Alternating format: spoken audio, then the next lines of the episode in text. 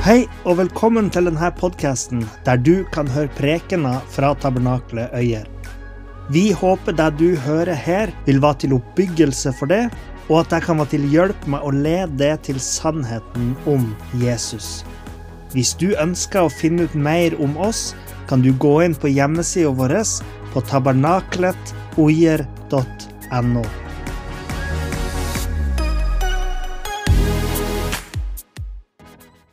Så jeg bruker å si på begynnelsen av de her prekenene i høst, eh, for de som ikke har vært her før, så har vi en prekenserie som handler om første og andre Samuels bok, som egentlig er ei bok som står i Det gamle testamentet, men som er delt i to.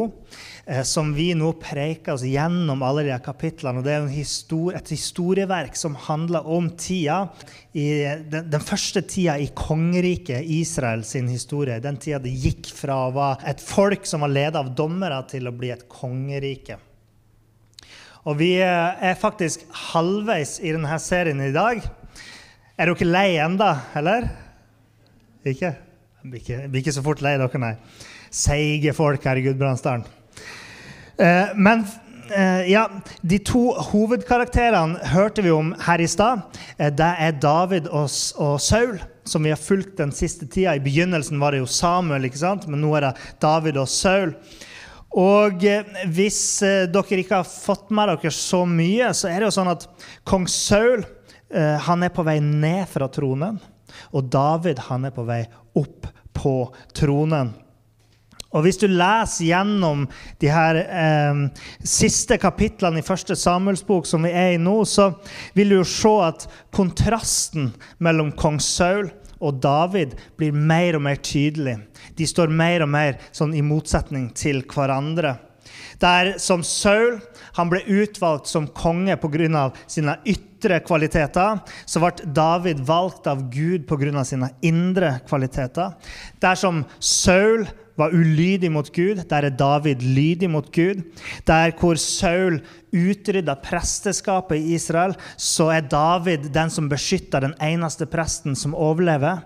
Der som Saul tar forhasta avgjørelser, så er David den som er tålmodig og venter på Gud. Der som Saul stadig forfølger David for å drepe ham, så sparer David livet til Saul, sjøl om David har muligheten til å ta ham. Og jo mer nøye vi begynner å se på de her personene, dess tydeligere så blir det for oss at en av dem fremstår som et dårlig eksempel, og den andre fremstår som et forbilde for oss. For oss så virker det derfor eh, altså De her historiene virker for oss som eh, mer enn bare fortellinger om ei tid for lenge, lenge siden. Men vevd inn i de her bibelske historiske hendelsene så er det noen dype lærdommer for alle oss mennesker i alle generasjoner til all tid. Spesielt når det kommer til vårt forhold til Gud. Saul han blir eksempelet på livet og Guds relasjon, forholdet til Gud, som vi ikke har lyst til å leve etter. Mens David han blir eksempelet som vi bør se opp til. Ok?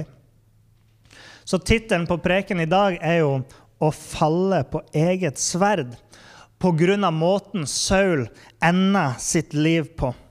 Egentlig så er jo dette et uttrykk og en praksis som eh, vi i Vesten har fra Romerriket, der romerske offiserer spesielt pleide å ganske bokstavelig falle på sitt eget sverd hvis de hadde tatt en dårlig, veldig dårlig avgjørelse eller gjort noe veldig skammelig. Så tok de sitt eget liv med sitt eget sverd. Men kanskje dere ungdommer som er litt yngre, kjenner dem mer fra sånn samurai-kultur. Eh, sånn harakiri eller sapuku, der de ikke sant, tar sitt eget sverd og tar livet sitt hvis de har gjort noe skammelig. Men poenget var jo at eh, det her skulle være den, den, minst skamfulle måten å dø på. Og eh, praksisen er jo òg kjent ifra den historien som vi ser på i dag, om Sauls død. Fordi Saul ender med å ta sitt eget liv, som vi kan lese om i 1. Samuels bok, kapittel 31. Men før vi kommer dit, så er det jo sånn at teksten har forberedt oss på dette øyeblikket. Først i Hannas lovsang. For dere som ikke var her eh, i den første preken, første søndagen i prekenserien, så var det sånn at vi sa at Hannas lovsang setter tema for denne boka. Først så forbereder Hannas lovsang oss på det som kommer. Eh, for den sier at de som står høyt, sånn som f.eks. en konge, kan bli forkasta og fornedra. Vi ser Saul sin vei mot sin egen undergang i gjentatte, eh, gjentatte synder som han gjør. Og, og, i profeten Samuels domsbudskap over Saul så ser vi eh, at Saul var på vei til sin undergang. Vi ser det òg på hvordan Saul var plaga i sinnet. Han hadde et veldig mørkt sinn. Men det er òg noen mer sånn subtile ting. For eksempel, hvis vi går til kapittel 28 og lese vers 4. Der står det Så samlet filisterne seg og kom og slo leir ved Sjunem. Derfor samlet Saul hele Israel, og de slo leir ved Gilboa. Så ser dere understreka der, og så tenker dere for noen rare ting å understreke i teksten. Kom og slo leir og sånt. Men den eneste gangen tidligere i boka der de her uttrykkene brukes, der det står at, uh, at filistrene og israelittene kom og slo leir, det var i kapittel 4, vers 1. og Der står det Israel dro ut for å møte filisterne i strid, og de slo leir ved Ebenezer. Filisterne slo leir i Afek. Og Poenget med å påpeke de her likhetene her er fordi at forfatteren nå peker tilbake, sånn at vi skal huske hva som skjedde der i kapittel 4. Så forbereder han på oss, oss på at det samme skal skje nå. Så I kapittel 4 så gikk jo filistene ut i krig mot israelittene, og israelittene tapte så det susa etter og mista paktsarken. Så vers 4 i kapittel 28 forbereder oss på det som kommer til å skje. I kapittel 28 vers 5 så står det at Sauls hjerte eh, skalv. Og eh, den eneste andre gangen dette uttrykket brukes, er i 1. Samuels bok kapittel 4, vers 13. Der står det at Eli sitt hjerte skalv når han hørte om at paktsarken hadde blitt tatt. Uh, og like etter Eli hørte det her, så døde Eli. Noen ting som forfatteren vil prøve å gi oss et hint om at her kommer det noe. Uh, Eli han hadde vært en ond leder som ikke hadde greid å være en leder for Israel. Han hadde ikke engang greid å oppdra sønnene sine, for sønnene var også onde sønner. De kalles ondskapens sønner. Og Derfor så kom det en Guds mann til denne Eli, som profeterte at Eli og hele hans hus kom til å, å dø eh, pga. sin ondskap. Og I kapittel fire så skjer alt det her på én dag. Først opplever Israel et knusende nederlag mot filisterne. Så blir sønnene til Eli drept i strid. Så dør Eli etter å ha falt uh, etter han hørte nyhetene om Guds ark. Og så, La oss gå til kapittel 31 igjen. Det siste kapittelet i første Samuels bok. og Vi husker på hva teksten har forberedt oss på. ikke sant? Nederlag og de her tingene her. Vi husker på hva som skjedde med Eli og sønnene hans som står der oppe. nummer 1, 2 og 3. Vers 1 i, i um, kapittel 31 der står det filisterne gikk til strid mot Israel. Israels menn flyktet for filisterne, og de falt døde om på Gilboa-fjellet. Først så lider israelittene et stort nederlag. Vers 2. Så satte filisterne etter Saul og hans sønner. Filisterne drepte Jonathan, Abinadab og Malkishua, Sauls sønner. Deretter blir Sauls sønner drept i strid. Og så leser vi fra vers 3 og videre. Kampen raste voldsomt mot Saul. Bueskytterne traff ham, og han ble alvorlig såret av dem. Da sa Saul til våpenbæreren sin, Trekk sverdet ditt og stikk det gjennom meg, så ikke disse uomskårne kommer og stikker meg og mishandler meg. Men våpenbæreren ville ikke, for han var fryktelig redd. Derfor tok Saul sverdet og styrtet seg over det. Da våpenbæreren så at Saul var død, styrtet også han seg over sverdet sitt og døde sammen med ham. Slik døde Saul, hans sønner, våpenbæreren og alle hans menn på den samme dagen. Så Saul døde ved å falle på sitt eget sverd. Alt på samme dag, akkurat som Eli og hans sønner. Med Eli så var det nyheten om at Guds paktsark eh, hadde blitt stjålet, som traff han som ei pil. Saul han ble truffet av ei faktisk pil. Eh, begge to var såra. Eli han falt og døde av sin egen vekt.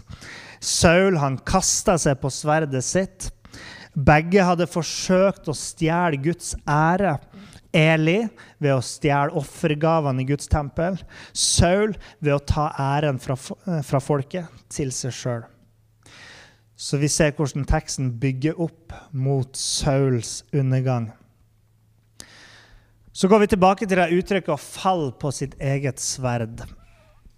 I dag så brukes det her uttrykket Jeg vet ikke om dere har hørt eller bruker det så mye. Eh, men i dag så brukes det gjerne om eh, at en person tar på seg ansvaret for noe de har gjort.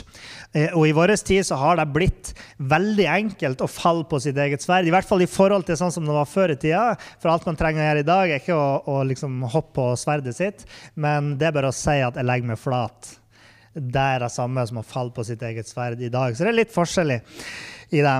Eh, og hvis man ja, I dag er det jo sånn at hvis man ikke er villig til å ta helt personlig ansvar, hvis er som pastor har gjort noe veldig dumt, og så kommer media og spør hva det du har gjort, så sier jeg vi legger oss flat her i menigheten. Så slipper jeg at folk ser på bare meg. ikke sant? Ofte folk gjør sånn. Men for Saul så var det her mye mer dramatisk enn som så. Men spørsmålet er tok Saul ansvar for handlingene sine. Han tok jo sitt eget liv, men tok han ansvar? Jeg vil si både ja og nei. Grunnen til at Saul ønska å dø, er som han sjøl sier i kapittel 31, vers 4. Der sa han så ikke disse uomskårne kommer og stikker meg og mishandler meg. Det var derfor han ville at våpenbæreren først skulle drepe ham, men våpenbæreren nekta.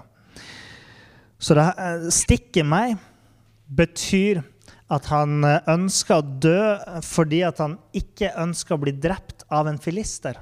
Han bruker dette uttrykket 'disse uomskårne' for å understreke at de her filisterne de er underverdige. De er, de er, for dårlige. Jeg kan, ikke, jeg kan ikke gi meg for de her. De kan ikke få tak i meg.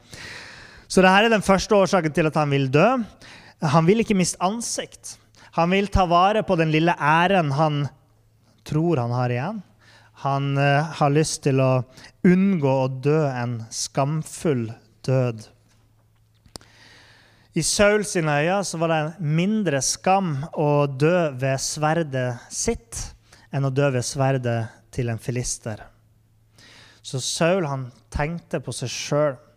Han tviholdte på sin egen stolthet. Han ville beholde makta over sin egen skjebne. Og så sier han at han vil ikke at de skal mishandle han. Kanskje er han redd for at filisterne skal fange han og ikke ta livet av han umiddelbart. Eller kanskje han er redd for at de skal mishandle liket hans. Men uansett så er det igjen frykt som driver Saul. Han er redd. Stolthet og frykt hadde fulgt Saul gjennom hele livet hans og styrt handlingene hans mens han regjerte i Israel. Og Selvsagt kan et sånt menneske som er full av frykt og full av stolthet, de kan fremstå som sterke på utsida, men så kan de være små og svake på innsida. Og eh, i hans mørkeste time så lar Saul denne frykten og stoltheten oppsluker hele han, hele hans livskraft. Så han tar sitt eget liv med sitt eget sverd, nærmest som et avgudsoffer til de her tingene, frykt og stolthet. Det er bare indirekte at Saul tar ansvar for livet sitt ved å falle på sitt eget sverd. Saul sjøl prøver ikke å stå til ansvar ved det han gjør. Han prøver å flykte fra ansvaret en siste gang. Han prøver å flykte fra skammen. Han prøver å flykte fra fiendene. Og eh, hvis vi går noen kapitler tilbake, så var det jo sånn at David han hadde to ganger muligheten til å ta livet av Saul. Men David han gjorde det ikke. Den andre gangen David hadde den muligheten, så sa David i kapittel 26, vers 10, Så sant Herren lever. Enten skal Herren selv slå ham, David snakker om Saul, enten skal Herren selv slå Saul, eller så kommer hans dødsdag når han skal dø, eller så skal han gå ut i striden og gå til grunne. David trengte ikke å drepe Saul. David overlot hevnen til Gud. For David han visste at på et eller annet tidspunkt så kommer Saul til å dø. Men Saul han døde ikke ved Davids hånd. Og Saul døde heller ikke ved Guds hånd. Han døde ikke en naturlig død når tida var inne. Han gikk ut i striden og gikk til grunne, men han døde ikke ved filistrene, sier han. Han døde ikke ved våpenbæreren, sier han, men han døde ved sin egen hand. Han gikk ut i striden og gikk til grunne ved sin egen hand. Og Vi skal se om det er noe vi kan lære av det her, men først så skal vi gå til kapittel 1 i andre Samuels bok og se på Davids farvel til Saul. Hvis du har lengt, lest så langt i denne boka, så kjenner du jo forholdet mellom eh, David og Saul. og Vi hørte jo om det i innledninga. I årevis hadde Saul forsøkt å få has på David og ta livet av han fordi han var så misunnelig. Eh, men med Guds hjelp så slapp David unna hver gang. Og nå så får David høre om Sauls død. Og Jeg vet ikke hvordan det er med dere, men hvis jeg ser en film eller leser en bok som er sånn spenning, som er litt action og kanskje har litt vold og sånt, ugudelige ting, eh, så hender det jo at eh, når at F.eks. i en James Bond-film, da, så ser man at den onde kjeltringen han ramler ned i sånn syrebad eller et eller annet. Så er det ganske grotesk, men likevel så setter det sånn Yes, der fikk han som fortjent. ikke sant? så vi, liksom, vi lengter etter denne rettferdigheten, da. Og, og um, Ja, så, så i denne fortellinga så kan man godt se for seg at David han er berettiga i å liksom være litt sånn Yes, endelig så gikk Saul til grunne. Nå slipper jeg å ha han etter meg. Og, og, og man forventer at det er en naturlig og i hvert fall menneskelig respons på at fienden din er død, og du er blitt fri. Og Vi kan lese om Davids ord i 2. Samuels bok, kapittel 1, vers 19-25. For David han jubla ikke. David han sørga over Saul sin død. Han skrev en sørgesang. David skrev det her. Israels skjønnhet ligger drept på dine høyder. Se hvordan krigerne har falt. Fortell det ikke i Gat. David sier, fortell det ikke til filisterne. Fortell det ikke i Gat, forsyn det ikke på gatene i Ashalon, så ikke filisternes døtre kan glede seg, så ikke de uomskårnes døtre skal juble. Saul og Jonathan var elsket og nøt velvilje mens de levde, og de ble ikke atskilt i sin død. De var raskere enn ørner og sterkere enn løver. Israels døtre gråt over Saul, som kledde dere i skalagen med ynde, som festet gullpynt på deres klesdrakt. Se hvordan krigerne har falt midt i striden. Hvem av oss er det som ærer våre fiender med sånne ord? Hvem av oss setter oss ned og skriver en sørgesang over de som vi hater og misliker, de som forfølger oss? I hvert fall ikke James Bond. Men eh, ikke jubler David sjøl. Og I tillegg så sier han til hele folket sitt sørg. Sørg over Saul, og husk de gode tingene han gjorde for dere. Han ga dere rikdom og velstand og beskyttelse. David viser oss bare hva det gjør med et menneske å være fylt av Guds ånd og fylt av Guds kjærlighet, fordi David viser oss hva det vil si å elske Gud og stå i et rett forhold til Gud og å elske sine fiender. David viste Saul nåde, og David ga ære til Saul der det var fortjent. Eh, vi mennesker vi elsker å, flytte skyld over på andre. Du har sikkert aldri gjort det, å gi skyld til noen andre enn deg sjøl, men jeg har gjort det mange ganger. Og til og med når det ikke er noen andre å egentlig gi skyld på, så gir vi skylda til noe eller noen andre. Du setter på en datamaskin, og så får du ikke helt til. Hva gjør du? Jo, du kjefter på den elendige datamaskinen som ikke gjør jobben sin. Sparka tåa borti et stolbein. 'Å, idiotiske stol! Hvorfor sto du der?' Sant? Uh, bilen funka ikke. Hva gjør du? Du snakker til bilen. Sier 'skrothaug', jeg skulle ha solgt det for fem år siden. Sjøl om det ikke nødvendigvis er noen å legge skylda på, så føles det så godt å ta deg ut på noe eller noen andre enn oss sjøl og flytte skylda over og slippe å ta ansvar sjøl. Og noen ganger så, så skylder vi på Gud og hytter med neven imot Han. Men det vi ser i denne historien om Saul, det er at han blir sin egen undergang. Gud trenger ikke å gripe inn for å, for å, å, å straffe han eller noe sånt. Han, han ødelegger seg sjøl. Og vi kan sikkert alle gå med på at det var ikke stolen sin feil at vi sparka tåa i den. Men det var vår egen feil at vi sparka akkurat der.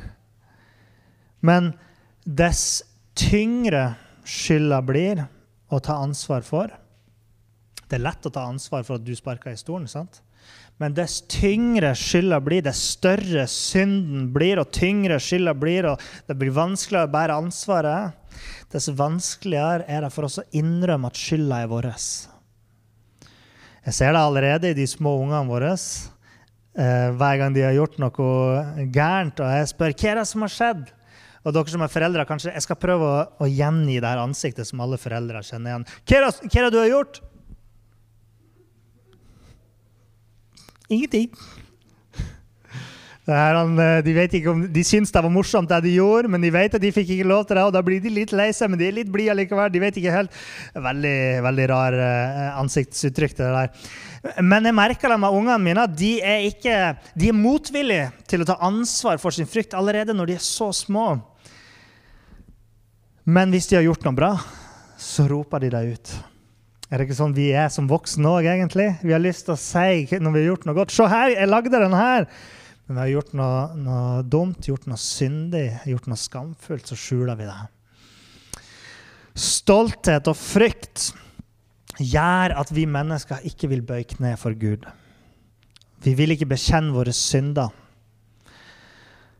Det blir sverdet som vi mennesker kriger med stoltheten og frykten. Saul lot stoltheten og frykten drive han. Men som av Saul så vil det òg bli sverdet vi faller for. Skjønner dere? Vi tviholder på stoltheten og frykten, men de vil bli det sverdet som vi faller for. Når vi ser på David, så ser vi hvorfor Gud utvalgte han. Fordi hans hjerte var i tråd med Guds hjerte. Det er ingen grunn til å feire at onde og, og dumme ting skjer med de som er onde mot oss. Nei, sjøl om Saul hadde ledet seg dit han var, så var det ikke til glede verken for Gud eller for David. Og Hvis vi husker tilbake i historien, så husker vi hvordan Saul, nei, Samuel sørga over den veien som Saul hadde havna på. Når Samuel kom med domsbudskap til Saul, så var ikke Samuel glad for det, men han sørga dypt over Saul. Og, og, det er fordi at Gud han har et farshjerte for oss mennesker, som elsker oss, og som vil redde oss fra å felle på våre egne sverd. Der farshjertet lå i Samuel, der farshjertet lå i David.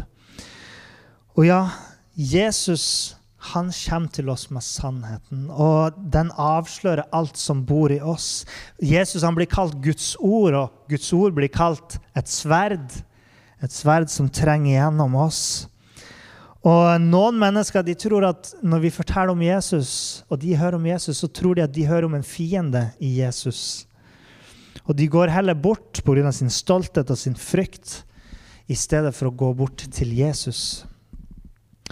Men der hvor våre egne sverd ødelegger hele mennesket og ødelegger alt vi er, så ødelegger Guds ord bare det syndige i mennesket. Ok? Hvis vi detter på vårt eget sverd, så ødelegger vi oss sjøl. Men hvis vi lar Guds ords sverd gjennomtrenge oss, så er det bare det syndige, det onde mennesket som dør, sånn at vi kan leve fri fra vår egen skyld, fri fra våre egne synder. Jesus han avslører mørket i oss og fyller oss med lys, sånn at vi kan være fri. Og um, i denne historien om Saul og David så ser vi de her eh, negative handlingene i Sauls liv. Og vi ser de positive handlingene i Davids liv. Etter hvert vil vi se noe negative i Davids liv òg. Men her så ser vi konsekvensen av det å være stolt som Saul, og konsekvensen av å være ydmyk som David. Stoltheten opphøyer seg sjøl. Ydmykheten opphøyer de andre. Så vi ser konsekvensen av et liv i motstridig synd og konsekvensen av et liv i ydmyk overgivelse. Hør hva Gud sier til det i dag. Så sant jeg lever, sier Herren Gud. Jeg har ikke velbehag i de ugudeliges død, men i det at den ugudelige vender om fra sin ferd og lever. Vend om, vend om fra deres onde ferd, for hvorfor skulle dere dø? Esekiel 33, 11. Vend om fra det onde og vend det til det gode. Det som er fint med historien, er at de eksemplifiserer og, og tegner bilder for oss. Billedlig sagt, det her vend om, ikke hva som Saul, men hva som David. Tro som David. Og uh, vi har et sånn uttrykk som er sånn Mitt hjerte blør for det. Det uttrykker en sånn dyp medlidenhet. Vi, vi, skal huske at, og du skal huske at Jesus han blødde for det. Sånn er Guds fars hjerte. Fordi Gud han har et hjerte som lengter etter det. Jesus har ikke bare medlidenhet med oss, men han led for oss kan vi kalle forlidenhet. I stedet for oss led han. Du kan komme til Jesus og ta imot det lyset som stråler ut fra han. For hos han så vil du finne tilgivelse, gjenopprettelse, helhet, forsoning, fred, glede, liv, trøst. Og jeg ville ta med et vers helt til slutt. Um, jeg, jeg, orker ikke å forklare, men dere kan ta det med dere og tenke på det når dere går hjem. Skriv det bak øret. Lukas 17, 33. Lukas 17, 33. Den som forsøker å berge sitt liv, skal miste det. Og den som mister sitt liv, skal berge det. La oss be. Kjære far. Jeg takker deg for denne stunden vi har hatt sammen. Jeg takker deg for Guds ord. Jeg takker deg for historiene som du har bevart for oss fram til i dag, som vi kan lære av. Så vi så enkelt kan se hvordan din enorme kjærlighet er. For den har du vist oss gjennom andre mennesker, men først og fremst har du vist den gjennom Jesus, som led for oss. Takk, Herre, for din nåde som du viste på korset, Herre. Takk for at vi kan få lov til å komme til det og, og bøye oss for det, og, og ikke trenge å skamme oss over at overgir oss fordi vi vet at vi overgir oss til en far som elsker oss. Herre, jeg ber deg om at eh, alle her skal åpne hjertene sine for å la ditt sverd trenge inn i oss. La sannhetens sverd, eh, ditt ords sverd, komme inn i vårt liv. Treng gjennom alt det onde som finnes i oss, og, og drep det syndige mennesket i oss. Herre, hjelp oss å bøye kne for det. Hjelp oss til å ta imot det i vårt liv. Det ber jeg om i Jesu navn. Amen.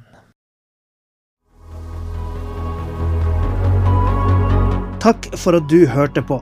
Hvis du tok et steg i tro i dag, eller du har noe du ønsker forbønn for, så vil vi gjerne høre fra det via e-postadressen kontakt alfakrølltabernakletoier.no. Du er òg velkommen til våre ukentlige gudstjenester i menighetslokalet i Haugskutua 5 26 36 Øyer.